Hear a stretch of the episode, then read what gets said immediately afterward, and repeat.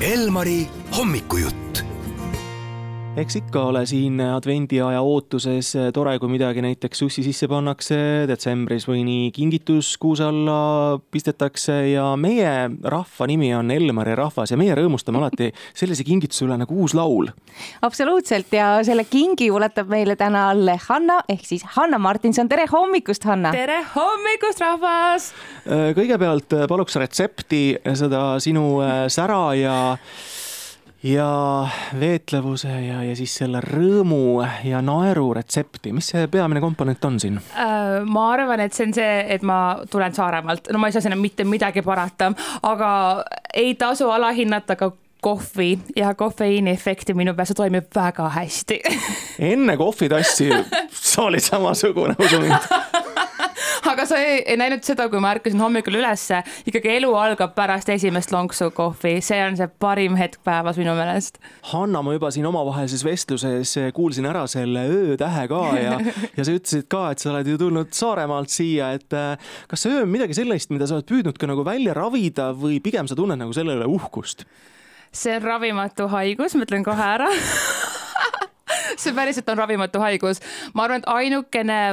hetk, kus mul seda ööd ei olnud, oli siis, kui ma seal Musta alpinisti filmis äh, osalesin, äh, kuna seal ma pidin nagu teksti õppima ja kui ma õpin teksti, mitte ei õpi, õpin teksti, äh, siis öö läheb pisemaks, ma arvan, et see täiesti ära ei kaogi, aga, aga see natukene läheb nagu väiksemaks, aga jah, see lihtsalt, see käib minuga kaasas ja sellest kümme aastat Tallinnas elamisest ei ole olnud ka kasu, et see, see, see jääb minuga ja ma olen sellega leppinud ja mulle tegelikult see väga meeldib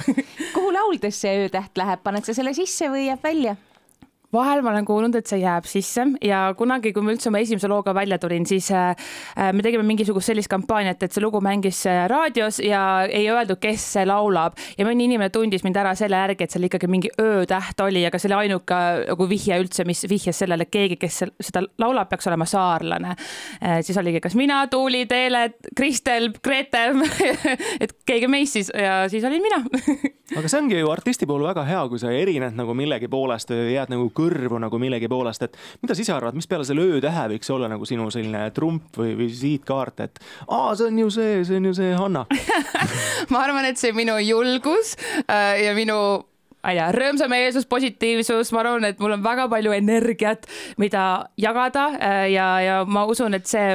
power minus äh, ongi see, mis võib-olla, kui ma olen kuulnud siis, mida inimesed minust räägivad, et see on siis see, mis neile jääb äh, kuidagi meelde. et äh, mulle meeldib endal palju naerda ja mulle meeldib, kui ma suudan panna teised inimesed enda ümber naeratama ja naerma. nii et kui see on natukenegi õnnestunud, siis on juba mul väike linnuke kirjas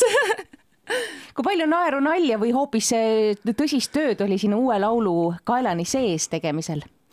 Selle loo, ma ütlen kohe ära, see lugu tuli üle kivide ja kändude, äh, mis on võib-olla põnev asi, mida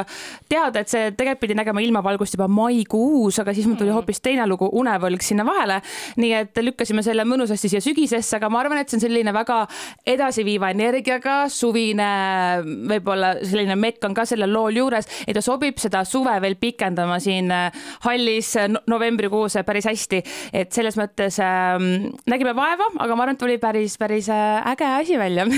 kaelani sees ja suudad sa meenutada nüüd ise, mis, mis sul kohe meenub selle väljendi peale, et ähm, kui oled sa ise olnud kunagi kuskil kaelani sees?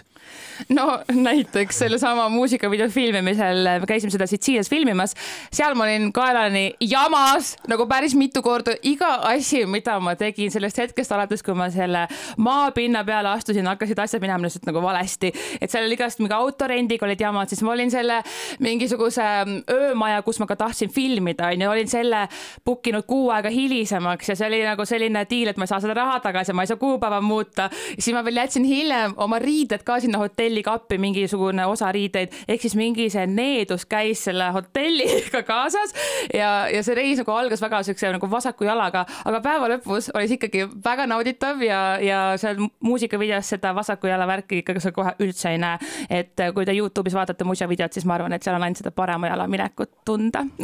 kuule, aga kui sellised jamad järjest juhtuvad, kuidas sa siis nagu oma positiivsust säilitad või mis see sinu sisekõne siis parajasti on, et okei okay,, okei okay,, elame üle, et läheb paremaks või on ikkagi kõik on täielik jama, paneme kotid kokku, tuleme ära? no hetkeks on küll niimoodi, et nagu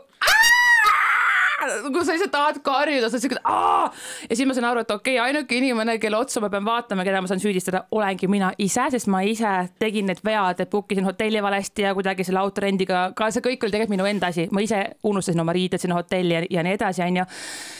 Et eks ma ikka ise olin süüdi ja sel, sel hetkel ma sain ka aru, et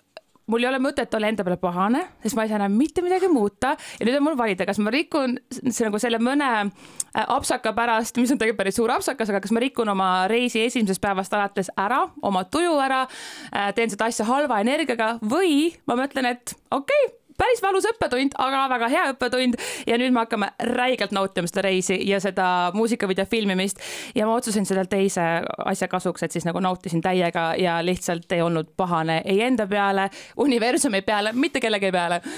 Ja see, see nagu toimib küll, et pole mõtet äh, ennast maha tampida, sa ei saa enam midagi muuta. et üsna selline käänuline tee ja üle, üle kändude see valmis, aga lõpptulemusega, nagu ma näen sinu näost ja, ja sinu jutust, et siis sa oled ikkagi väga rahul ja mis lugu see siis ikkagi on, et äh, muusika poole pealt, kellele see mõeldud on, kellele suunatud? absoluutselt kõigile neile, kes on kunagi olnud kaelani sees, armunud, nagu öeldakse tegelikult kõrvuni armunud on ju, aga kaelani kõlab paremini, kui sa seda laulad. Äh, see on kõigile neile mõeldud, ma loodan, et iga inimene, kes kuulab seda intervjuud praegu, on olnud vähemalt kord elus nii kaelani armunud, et lihtsalt noh, vaata, see on nagu see hetk, et sa ei suuda ühtegi ratsionaalset otsust teha, lihtsalt mõtled ainult sellest tundest, sellest inimesest, see on hea tunne. Ähm, ja see on huvitav, et ma tegelikult inimesena ise ei ole üldse väga suur romantik, pigem vastand sellele, aga kui ma hakkan muusikat looma, lugu looma, siis see romantik lihtsalt niimoodi tõstab pead, ütleb, et hello, kas laulaks täna jälle armumisest? Ehk siis minu viimastel lugudel on päris palju sellist äh, armumise tunnet olnud äh, sees ja selles loos on ka see väga tugevalt esindatud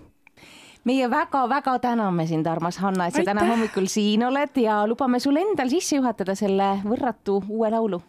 ja see lugu on pühendatud teile kõigile, kes olete olnud kunagi armunud. ma loodan, et see lugu meeldib teile ja see tekitab teis samasugust kõrgendatud tunnet, nagu armumise tunne tekitab. olge mõnusad.